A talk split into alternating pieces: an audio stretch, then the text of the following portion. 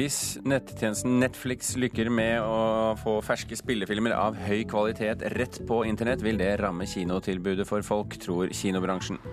Popkorn, slush og party, teaterprosjekt gjør seg til for å få ungdom til å se Dostojevskijs 'Forbrytelse og straff'. Og Fredagspanelet i dag diskuterer skattelistemoral, Lars Wilks og ungdommens språklige fordervelse. Eller de gamles språklige stivnethet. Hvem vet hva som kommer ut av et fredagspanel? Svar på det får du mot eh, slutten av sendingen. Om Netflix, strømmetjenesten Netflix altså, lykkes med å sende ferske spillefilmer av kinokvalitet rett på internett, så vil det føre til et snevrere kinotilbud. Det frykter programdirektør ved Nordisk Film og Kino, Kristin Berg. I dag er det premiere på strømmetjenestens aller første spillefilm, 'Beasts of No Nation'.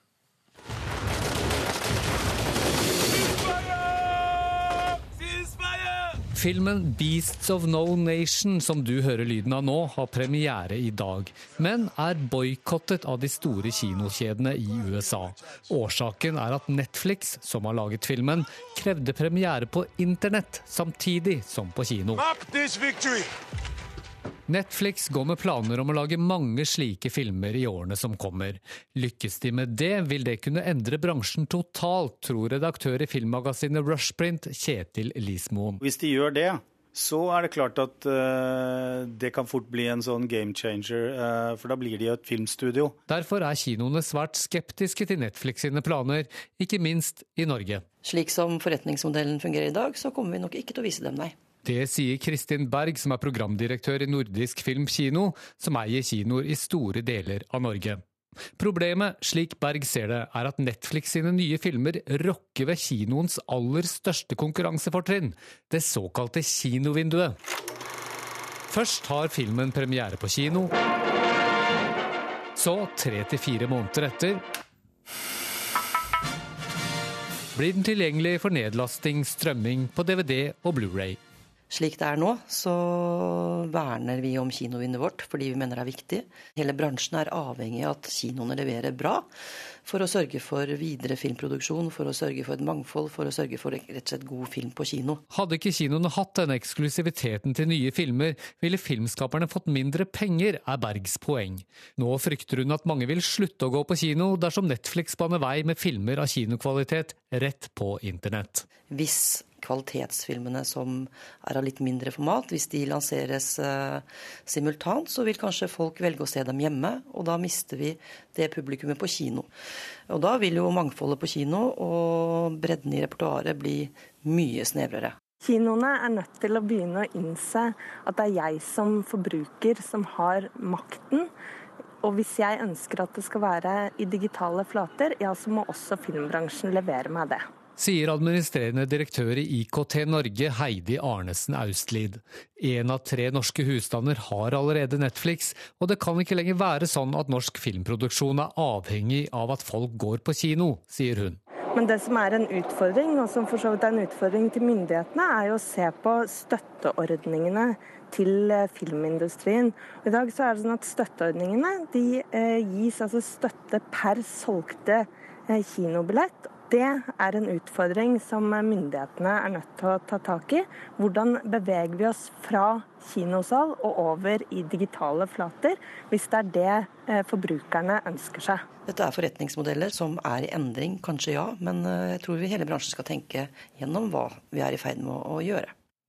Det sa programdirektør i Nordisk film og kino, Kristin Berge. Det var Petter Sommer og Torkil Thorsvik som hadde laget denne saken. Filmkritiker her i NRK, Birger Vestmo. Frykter du utviklingen, slik eh, kinoene gjør? Ikke i samme grad. Eh, tilbudet til oss som er forbrukere, kommer jo til å bli bedre. Eh, mindre filmer som ellers ikke når opp i kinotilbudet, kan få større muligheter til å nå ut til oss, så utvalget det kan bli eh, bredere. Men den det negative her er jo at det fremdeles er slik at film først og fremst skal ses på kino. Det er i hvert fall min mening. Du, du får ikke den samme opplevelsen på en flatskjerm som du får på kino. Men tror du at strømmetjenesten Netflix har ambisjoner om å bli et filmstudio i fremtiden? Ja, altså de har jo allerede blitt det. De har finansiert en ny Adam Sandler-film som kommer senere i år. De har finansiert oppfølgeren til Snikende tiger skjult drage, der for øvrig Morten Tyldum er en av produsentene. Eh, det ble kjent tidligere i år at de skal produsere Angelina Jolies neste film, First They Killed My Father, som handler om ei jentes opplevelser i Kambodsja under Pol Potts regime. Og de sikter seg altså inn mot Hollywood rent fysisk og åpnet et nytt og stort kontor der i løpet av 2017. Så ja, Netflix eh, vil være et filmstudio i fremtiden. Men hva slags uh, filmer kan vi vente oss fra Netflix, og, og sikkert andre strømmetjenester også etter hvert? Uh, vil de skille seg fra Hollywood, uh, for å bruke det som et eksempel? Man kan jo håpe. De har allerede revolusjonert TV-mediet med modige serier, og jeg håper de utviser den samme nytenkninga på film. Jeg tror og håper at de vil satse på et bredt utvalg av filmer, og de kan det fordi mange av disse aktørene er ikke avhengige av klikktall, men de er avhengige av å kunne tilby sin abonnentmasse et spennende utvalg med brei film. Vi begynte denne saken med Beasts of No Nation, som altså hadde premiere i, i går, eller i natt kanskje. Eh, du har sett den. Ja. Eh, er det en god film? Ja, det er et sterkt krigsdrama lagt til et ikke-navngitt land i Vest-Afrika, der vi følger en ung Guds vei fra vanlig lykkelig barn til hardbarka barnesoldat under ledelse av en skummel kommandant, spilt av Idris Elba. Eh, det er en god film, men langt unna et enkelt publikumsfrieri. Den tar opp et mørkt tema med brutale virkemidler, og med denne filmen signaliserer Netflix at de vil være en seriøs og uredd aktør som er ute etter kvalitet. De kunne nok gjort det enklere for seg med å starte med den neste Adam Sander-filmen, som nok sikter mot et eh, helt annet og større publikum, men velger altså å begynne med en allerede kritikerrost eh, film, signert Carrie Fukunuga, kjent for um, sin Nombre og True Detective, så dette syns jeg er en lovende start fra Netflix. Birger Vesmo, takk for at du var med oss i Kulturnytt.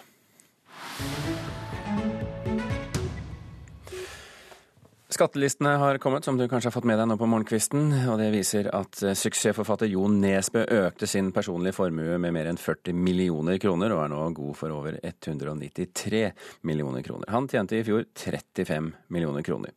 Nesbø har gjort bokserien om Harry Hole til en enorm suksess verden over, men hans mest solgte bok i Norge i fjor, 'Sønnen', tar for seg et annet litterært eh, univers. Og mer om hva både andre norske forfattere, men også toppbloggere tjener og har i formue, det kan du lese om på våre nettsider hvis du går inn på nrk.no. Der finner du det.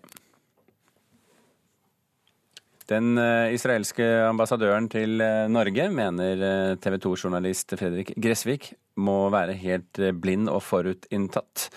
Det sier han til Dagbladet i dag. Utspillet kommer etter at Gressvik i et intervju om den nye boken sin sa at løsningen på konflikten mellom Israel og Palestina er enkel. USA må presse Israel til å oppheve okkupasjonen. Gressvik forsvarer sitt standpunkt. Det er merkelig av en diplomat å si dette. Alle som har fulgt denne konflikten over tid, vet at en israelsk tilbaketrekking fra de okkuperte områdene er helt nødvendig for å få til en fredsavtale.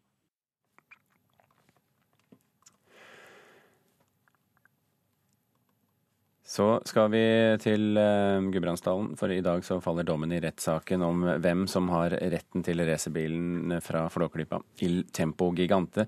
De samlede saksomkostningene beløper seg nå til 8,2 millioner kroner, skriver Dagbladet i dag. Caprino Filmsenter mener Hunderfossen familiepark ikke har rett til å lage en berg-og-dal-bane som ser ut som den kjente bilen, og krever 5,5 millioner kroner dekket i advokatutgifter. Motparten har protestert mot beløpet. Dommen faller i Sør-Gudbrandsdalen tingrett i dag, og NRK Nyheter vil være til stede.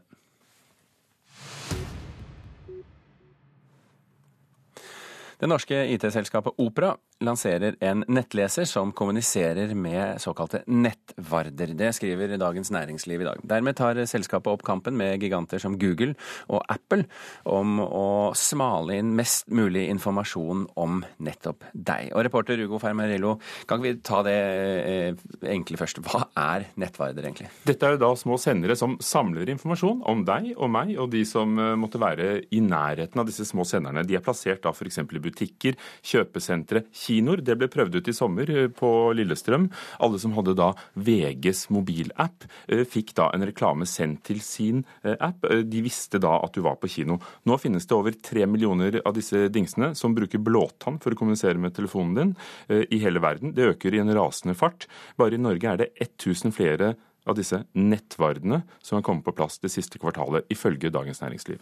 Men hva er vitsen for eh, altså Jeg kan forstå hva som er vitsen for de som vil reklamere, men hva er vitsen for oss vanlige folk? Vitsen er at eh, det, det kan være en god ting. Hvis du befinner deg på sted, så kan du få opp, eh, ifølge Opera og de som står bak den nye nettleseren, kan du få opp relevant informasjon, f.eks. en Wikipedia-artikkel om et sted, eller da også reklame. Og for butikkene, kino eller flyplassene så tjener de da penger på å annonsere, og annonsere på en måte som gjør at de tror de vet hva du vil ha.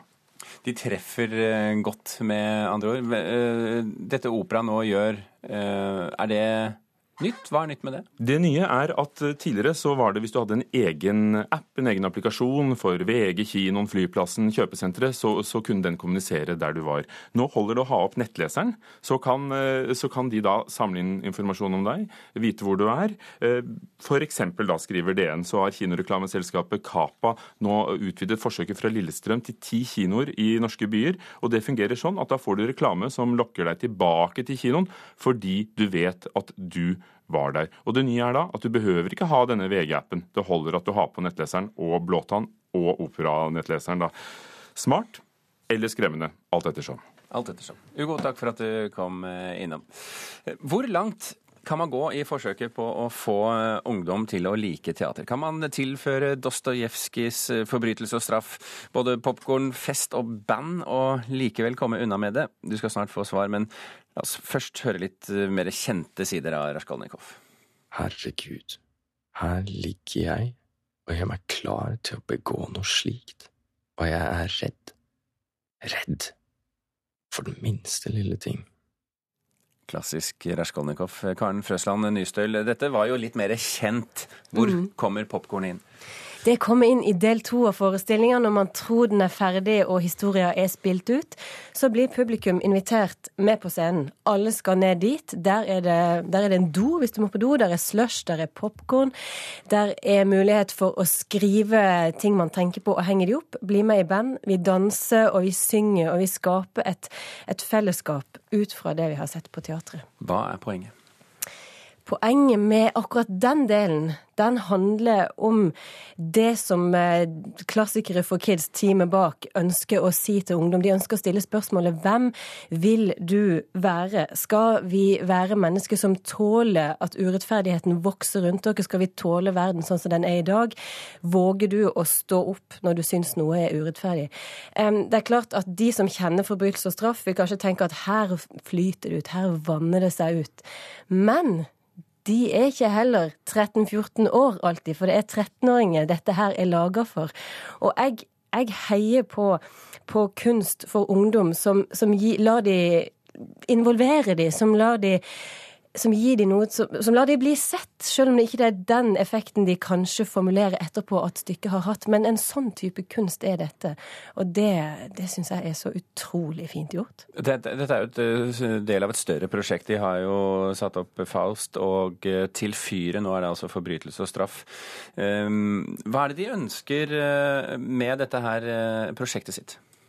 De ønsker å vise at god og kompleks kunst kan være like sterk for barn og for ungdom som for voksne. og de vet, som vi alle egentlig vet, at ungdom har jo sin egen tolkning av stor og djup tematikk. De vil òg inn i det innerste, ned i det djupeste. Og dit kan de komme gjennom, gjennom veldig gode forestillinger. Denne teatertrilogien her er noe helt spesielt i, i, teater for barn og unge, sånn som landskapet er i dag. Du, du har jo vært med på mange rare forestillinger opp igjennom. Hvordan var det for deg å være med på dette her? Jeg har aldri før ønska at jeg var tilbake over 13 eller 14 år igjen, men det skulle jeg virkelig ønske at jeg var i går. Premierepublikummet var prega av voksne, og det var litt synd for, for, min opplevelse, for jeg skulle gjerne sett hele ungdomsskolen til, til, sønnen min være der og delta på den festen, og sett hvordan de reagerte og deltok og oppdaga forbrytelse og straff på en helt annen måte enn jeg hadde forventa at de skulle. Jeg gikk inn i dette med å spørre om hvor langt man kan gå uten å tape original, originalteksten. Eh, har du fått noe svar på det, du? Originalteksten er sterkt til stede i første del der vi får hele handlinga presentert. Og det som skjer videre, er, er, en fest og en oppdagelsesreise. Og del tre er et brev du får med hjem, som du leser sjøl. Og ta, sånn tar ungdommene forestillinga videre. Karen Frøsland Nystell, takk for at du kom til oss. Klokken er 18 eh, minutter over åtte. Du hører på Kulturnytt, og dette er eh, toppene i Nyhetsmorgen nå. Skattelistene er lagt ut. Kvinner tjener mindre enn menn i alle faser av livet. På nrk.no kan du se hvem som er rikest i landet. Forming av kropp er viktigere enn helsegevinst i gymmen for mange unge. Jenter ned i 15-årsalderen ønsker å bruke gymlæreren som personlig trener. Og det må bli lyd på elbiler, krever Blindeforbundet. En halv million nordmenn har opplevd farlige situasjoner med stillegående kjøretøy. Og hvis du har hørt at det romsterer litt i studio her nå, så er det fordi at Fredagspanelet har vaglet seg på sine respektive stoler. Vi har fått inn Arve Juritzen, forlegger, Ragna Nordenborg, programleder her i NRK, og eh, Synne Øverland Knutsen, redaktør av magasinet Fanfare. Velkommen alle sammen. God morgen, god morgen. Takk. Vi går rett på sak. Det er en tabbe å invitere den svenske kunstneren Lars Wilks til Ibsen-konferansen. Det mente medieprofessor Helge Rønning denne uken. Wilks, som er blitt et terrormål, skulle snakke om en folkefiende. Og det førte til både politioppbud og sikkerhetskontroller. Spørsmålet vårt var er, var det feil å invitere Wilks? Feil? Ja. Ja. Nei, nei, nei. Nei. Hvorfor så streng? Nei, altså Jeg blir veldig streng, fordi eh, det har vært sånn deilig å få lov å programmere dette, dette, programmet selv. Eh, de må jo gjerne invitere han, da. Eh, men, men han er jo ikke i mine øyne en folkefiende, hvis vi skal være litt sånn strenge i sammenligningen med dr. Stockmann, som er da helten i stykket til Ibsen. Altså, Der er det jo en mann som varsler om en helt konkret ting, at det er forurensa drikkevann, og dette må vi gjøre noe med. Og så møter han da majoriteten som, eh, som, lurer på hva han holder på med. Opplever vel ikke at Wilks har den, akkurat den samme posisjonen.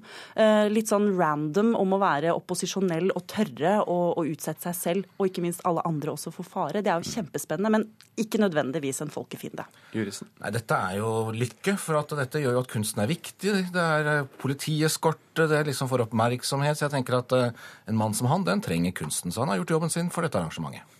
Knutsen? Ja, jeg støtter dette. Det jo, men man kan jo si at det er litt kreativ kuratering. Eh, men det får nå så. Det drysser nok litt på Ibsen òg, ja. Som, men hva mener du med kreativ kuratering? Altså, Det er jo en kobling her som er litt vag. Eh, men, eh, men, eh, men, ja. Men man må jo være litt kreativ når det kommer til Ibsen. Det er jo, er jo ikke akkurat lite altså, Ibsen har jo fått sitt, så, mm. og bør få, få mer. så... Ja, og Derfor kunne det jo vært kjempespennende å, å, bare invitert noen andre som kanskje er tettere på, og som og som eh, har eh, denne problemstillingen eh, i livet sitt. Altså varslere. Mm. Altså hvorfor ikke kjøre en en eh, sammenligning med de som, som, på en måte kan være våre Dr. Stockmann i, i dagens samfunn. Uh, men hadde altså, vi snakket om dette i hele tatt hvis han ikke var der? Ja, hadde ikke sant? Hadde det vært tema? Ja, jo... vi hadde nok ikke snakket om Lars Wilks på Ibsen-konferansen hvis ikke Lars Wilks var der. Men vi Nei, kunne nok godt ha snakket om da, Det skjønte du. Ikke sant? Det er ikke så tidlig på morgenen. Hadde vi det? Nei, jeg tror ikke det. Jo, det tror jeg faktisk vi hadde. Fordi jeg satte meg ned i går og tenkte på hvem andre kunne vi invitert. Og det er jo klart at, eh, at historiene til, til varsleren fra Bar i Røkke saken historien eh, til eh, han broren til Monsen, husker ikke hva han het til fornavn, som, som, eh, som varslet Simen-skandalen. Dette er jo fortsatt fortellinger med en voldsom kraft i. Og hvis de hadde klart å, å hoste opp en til, så tror jeg også vi kunne ha sittet og snakket om dette i dag. Ja, ja, nei, det, altså det Dere ser så, det så nei, ikke ut som dere bare nå aksepterte tenkte, Men er ikke dette arrangementet litt kjedelig, da? Hvis at man må ha sånne tabloide ting for å snakke om gipsen? kanskje vi skal ta et annet tema? Enn Ibsen. Jeg vet ikke, På sånne konferanser, hvis det må sprites opp med, med intravenøst da Jeg tror ikke de kommer til å velge et annet uh, tema enn Ibsen på Ibsen-konferansen. Ja, det, skal, det burde vurdere, syns jeg. ja, okay. det, det, er kreativt. Ta noe annet. Men jeg syns det her var den spennende, mest spennende diskusjonen jeg har hørt om det. fordi at det er jo litt sånn, å, Er det for mye mediesirkus og sånn? Og mediesirkus er jo sånn, det kan vi godta at ok, ja, men nei, det kan jo være, kanskje det er bra. Men, eh, men her er det jo en faglig diskusjon, at det faktisk er litt på siden. Og den er jo interessant å ta uansett. Vi lar de fortsette med det på Ja, ok. Ibsenfest-konferansen, og så går vi videre. Nå går vi til, nå går vi til noe mer eh, profant. Vi går til skattelistene. For allerede så er det saker ute på nett eh, som forteller om hvor mye vi har tjent, eh, alle sammen. Eller det vil si i hvert fall de mest interessante av oss. Og da er spørsmålet har det egentlig noe for seg at media grafser i privatøkonomien økonomien til kultureliten og andre rikinger? Ah, må du starte med meg. Ja, nei, ja, nei, ja.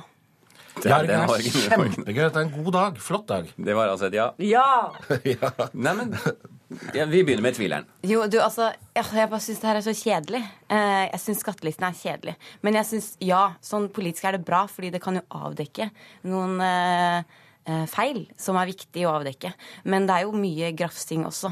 Eh, vi, har, vi har bare sittet og hatt den diskusjonen før vi gikk inn, og det, man har det så gøy med det også. Så jeg tror sånn, skattelisten er bra, det er bra at de er åpne, det er bra at man det, Men du liker ikke at vi har det gøy? Men altså, kjedelig, kjedelig. Jeg må få lov til å si det. Jeg prøvde å hilse på min meddebattant her, men hun hadde altså nesa så langt ned i telefonen sin og så på skattelistene. Men- var ikke, var jeg liksom- prøvde å vinke, prøvde å si hei og hallo. Glem det, jeg var utanka av skattelistene. Så dette liker vi. Dette er Altså, vi liker å kikke inn bak gardinene, og vi liker å kikke ut bak gardinene. Dette er en fest av Er det like før hun går fysisk til angrep på deg? for å ja, få ja, deg- for å ja, ja. komme med en Jeg kjenner intimsonen min er litt Ja. grann trua her nå. altså. Det var en stor forskjell, for jeg satt og leste liksom, de politiske argumentene for og mot, mens du hadde gått rett på hvem tjente mest i 2014. Er det ikke deilig når man må unnskylde seg når man leser skattelisten? Når, Nordenborg eh, inn eh, som kile her nå. Nei, Det er jo fryktelig, fryktelig spennende å lese at det er en eh, spekulant fra Vestlandet, en kraftspekulant, som er Norges rikeste mann. Eh, Det er ikke arva penger, det er ikke kulturpenger, det er kraftpenger. Eh, Og det syns jo både at det er gøy å kikke litt inn i og få litt oversikt over hvor formuene kommer fra. Og så syns jeg også det er kjempeinteressant å se på nettopp eh, hvor stor er kvinneandelen, eh, er det de samme folka på toppen, og hvem kommer eh, unnifra. Og så altså, syns jeg det altså, er kjempeviktig å gjøre, selvfølgelig, for jeg vil at samfunnet vårt skal være transparent. Og så kan man jo selvfølgelig da ha stoff om dette i Dagbladet, VG, Se og Hør, men, men det at vi skal få innsikt, er jo livsviktig for et Og samfunn. det, og det er ikke bare Dagbladet, VG, Se og Hør, det er andre Jeg synes det var mediehus også. toppsaken her i Men- ja, Og da sa nemlig skattedirektøren det kall det gjerne Se og Hør. Altså, det Men, men ja. juristen, da sa jo skattedirektøren det at uh, folk er ikke så interessert lenger. De bruker det i hvert fall mindre. Ja, Det er jo fordi at vi må legge en spor. Ikke sant? Må man ikke registrere seg nå for å se det? Før så kunne du liksom kikke anonymt. Altså Nå må du jo da Tenk på disse Andresen-søstrene nå, det rikeste i landet. Altså De kan jo nå se hvem har vært inne og kikket på oss. ikke sant? Så legger man igjen spor. En slags datingservice blitt. ikke sant? Så de kan jo nå se hvem er interessert, og så kan du legge inn et lite spor. Det er en slags frieri. Uh, Så det tenker jeg er du åpen selv for dette, Juritzen? Altså, det er, folk kan jo gå inn og se på deg også. Ja, ja, ja. Og legge inn spor. Ja, jeg sier Det så legger jeg spor, så bare jeg får vite hvem det er, så Ja. kan man jo liksom, så ser man uh... Så ringer du opp igjen. Ja, ja, ja, ikke noe problem. Legge en telefonnummer. Dette blir Nei, men dette fungerer. Nei, men seriøst, det er klart de skal ha denne åpenheten i landet, og at dette skal være tilgjengelig. Og så er det jo Det er jo gøy, og det er jo interessant. Og så er det vel ikke så farlig, tenker jeg, for det er jo ikke sannheten som står der. Vi får jo bare en liten, liten bit av sannheten i skattelistene. Sånn er det jo som regel i verden, Juritzen. Vi går videre til neste spørsmål. Mange unge eh, forstår ikke lenger uttrykk som krokodilletårer og bjørnetjenester og høy i hatten, og det var ting som vi diskuterte her i, i Kulturnytt denne uken. Eh, Det er språkforskere som hevder dette her, og, og Finn Erik Vinje sier at dette er et demokratisk problem. Har han rett? Nei. Åh, det der syns jeg alltid er vanskelig. Altså, ja. Ja, jeg har også lyst til å si ja, men eh, nei. OK, vær så god. Nei, ja. oh ja. Nei, nå Nei, skal altså hun jeg få lov. skulle jo Jeg skulle ønske at, uh, at det var et demokratisk problem, men jeg tror demokratiet klarer å finne veier utenom også ordtakene. Uh, og så tror jeg også at demokrati er jo bygd på det og muligheten for å stille spørsmål. Og jeg tror det fortsatt er sånn at Å, jeg forstår ikke det ordtaket, så da, men jeg lurer jeg, Hva betyr det egentlig? Uh, og sånn er det jo hvis jeg ikke forstår et ord, så lurer jeg Hva betyr det ordet? Er det ikke litt problemet at ungdommen ikke stiller disse Men- spørsmålene eventuelt? Jeg kom på det da jeg var på vei hit, at eh, jeg på et eller annet tidspunkt, da jeg var ung, veldig ung, eh, fortsatt, nå er jeg gammel, eh, så visste ikke jeg hva bjørnetjeneste betød, jeg heller. Men jeg vet det nå, så det ordner seg. Ja, det gjør Ja. det. Ja, Herve. Nei, altså, jeg tenker på hva slags demokrati har vi hvis det er trua av at ikke folk vet hva krokodilletårer er. Da har vi et skjørt demokrati. Så jeg tror dette går veldig bra. Uh, men det, det, jeg har en elleveåring, så jeg er akkurat nå i fase med å forklare disse ordtakene. Og det er ganske spennende. Altså, Bjørnetjeneste, hvordan forklarer du det, f.eks.? eh, krokodilletårer. Altså, så det er ganske gøy, gøy å finne ut av hva er historien bak det. Men at du truer demokratiet, det tror jeg ikke. Men det er, det er jo nettopp det at det er jo vi, Det var nydelig formulert. altså Vi klarer oss kanskje Demokratiet faller ikke liksom, ved mangel av forståelse av, av disse ordtakene. Men det er, like no, det er likevel noe med det at det å kunne eh, f- ha et språk, ikke bare å si ting rett ut, men nettopp ha det subtile og ha humoren og ha, og ha den derre felles kulturforståelsen som går utover det å være, det å være liksom god på språk. Jeg tenker at det er klart, uh, I en verden hvor, som er mer global, folk har annerledes bakgrunn, man skal liksom møtes rundt det norske språket, som jo er veldig lite, så er det jo litt kjedelig å være han eller hun som alltid liksom sitter på fest og lurer på hvorfor ler alle nå. Uh, det var derfor jeg mente at det kan på en måte oppfattes som et demokratisk problem. Men det kommer jo nye! Men er Det det- kommer jo masse det- nye! du- du som er- finner på nytt, Ja, håper jeg. men forlegger eh, Juritzen, du er jo opptatt av språk osv. i dine bøker og ditt eh, utgiveri. Jeg er glad du sier det. Hvis eh, en generasjon plutselig ikke skjønner hva den bestemmende generasjon sier, er ikke det da et demokratisk problem? Denne debatten har sikkert alle generasjoner hatt, og jeg håper virkelig at høy i hatten kan erstattes av noe nyere og mer moderne. Ja. Så jeg har litt eh, ny generasjon. Lav i capsen. Altså, Lav i capsen, for eksempel. Det er mye kulere. Så jeg, jeg tenker la oss få nye sånne ord, også for Vinje være redd for demokrati. Jeg vil heller ha mer fornying. Spørsmål- Nå pirker hun meg igjen sånn. Ja, jeg skal- jeg jeg fysisk her, altså. Lav i capsen, kan du, kan du liksom bare gi den definisjonen nå? Liksom, nå på stående fot? Motsatt av høy i hatten. Altså, du er litt trang i pappen. Ja, Ikke litt, sant? litt, litt enkel. Litt enkel. Kjempeord. Jeg syns det er dagens ord. Lav i capsen. Veldig bra. Lav i capsen, det er ungdommens Det, er for, det syns jeg du skal foreslå for ungdommen. Det er herved, herved vedtatt som et bra uttrykk. Bra uttrykk servert fra Fredagspanelet i dag. Lav i capsen. Vi er fremdeles litt usikre på hva det betyr, men uh, Det kommer en etymologisk ordbok på Juritzen forlag om dette. Helt klart. Ja. Eller en roman. Eller en roman. Arve Juritzen. Arve Juritzen tar dette på alvor, setter seg i forleggerstolen og gjør det. Takk for at du kom til Kulturnytt. Takk også til Ragna Nordenborg og Synne Øverland Knutsen, som alle utgjorde Fredagspanelet i dag. Kulturnytt er i ferd med å runde av med dette. Det var Vidar Sem som var ansvarlig for sendingen, og her i studio Birger Kolsrud Jåsund.